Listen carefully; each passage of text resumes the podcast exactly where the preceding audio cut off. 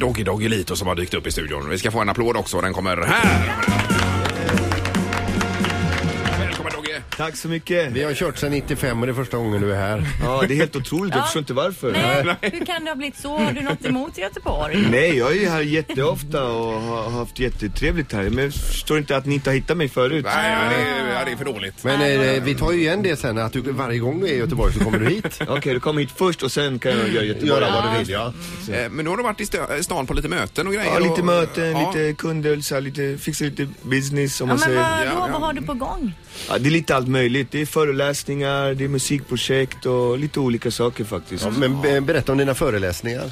Ja, det är, jag har en föreläsning där jag berättar lite om mitt liv, hur jag startade och sådär. Och det är för att eh, det är många ungdomar som vill ha jobb på TV eller göra musik och sånt. Lite sådana jobb som jag har fått, har turen att, att jobba med under de här åren. Och då berättar jag lite om det, hur jag startade, hur jag tänkte, hur jag började och och det, har- det har varit kul för mig också, att få dela med mig av det. Ja. Jag är inte 20 längre, man är ju snart 40 och det, det känns jätteroligt faktiskt. Ja, det är klart. men, det men är- vilken var din drivkraft när du drog igång med, med Latin Kings till exempel? Eh, egentligen har jag alltid haft en drivkraft. F- först var det ju att bli svensk mästare i boxning, men sen kom brorsan hem med en sån här vinylskiva med häftig rap och då fastnade man för rappen. Istället, ja. Så då blev man trea i rap-SM och sen bara, sen bara hände det. Sen bara åkte man på det där musikspåret. Ja, och Men var det lättare förr, tror du då, när du startade?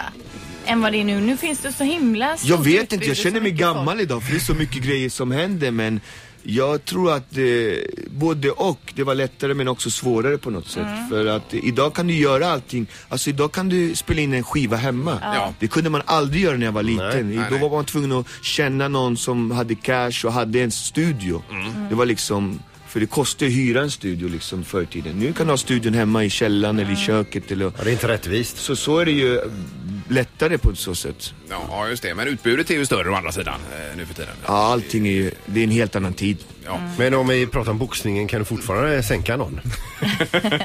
Nej, jag vet inte alltså. Jag ser. Men du Dogge, hur ser en vanlig dag ut för dig?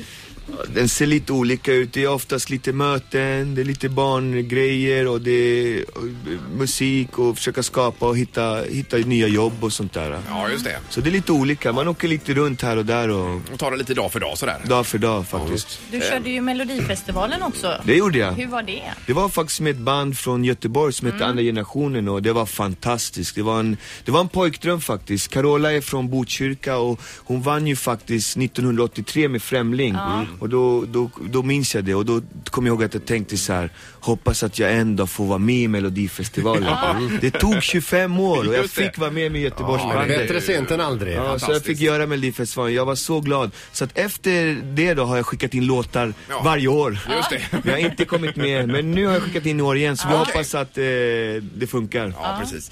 Men, men beskriv bara kortfattat hur det var när ni slog igenom där, för ni kom ju från... Eh, Ja, ingenstans, Ja, i visst, princip. och så tog hela Sverige med storm och det måste ha varit världens eh, omvälvande Ja, det grej var för ju er. en omvändning för mig också. Jag var nog inte redo för allt sånt. Men eh, jag vet inte, vi bara rappade och gjorde vår grej. Det började med rap SM3 där och sen vann vi två grammisar och... Men vilken var den första hitten ni fick så att säga? Som, Det var snubben trodde han var cool för han För hade en han hade en pistol. pistol. Just det, ja. det var det var ju att vi var, Klassiker. vi var ju från förorten och rappade mot Lasermannen som härjade då. Mm. Ja. Och så vad hette det, och, och då blev det ju en stor hype. Då rappade vi om eh, Vakna upp, vakna upp Carl Bildt, hur många liter blod har Lasermannen spillt? Det var ju såna här Ja, roliga just det. Ja. rim som, Ja, ja. som folk gillade liksom. Och Men, men, men det var ju ändå eh, låtar med glimten i ögat också, Ja, det var som den här alltid- Fint väder. det var alltid med glimten i ögat och glädje. Men det var många men ändå som... viktiga ämnen på något vis. i Absolut, texterna. vi, vi, vi var ju ungdomar från förorten som ville dela med oss av vad vi kände och tänkte och, Mm. och ibland körde vi bara liksom. Så att eh, jag tror folk uppskattade det mycket. Ja, herregud ja.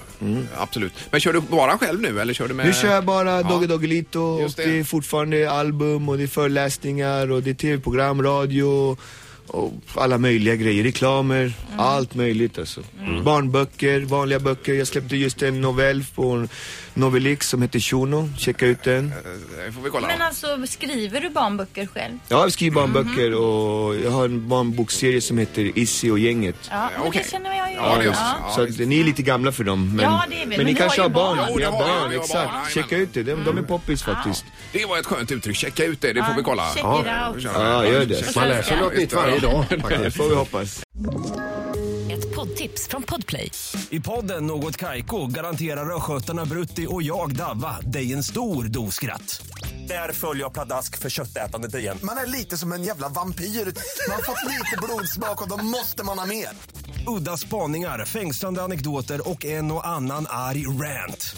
Jag måste ha mitt kaffe på morgonen för annars är jag ingen trevlig människa. Då är du ingen trevlig människa, punkt. Något Kaiko, hör du på Podplay. Därför arkadeinerna.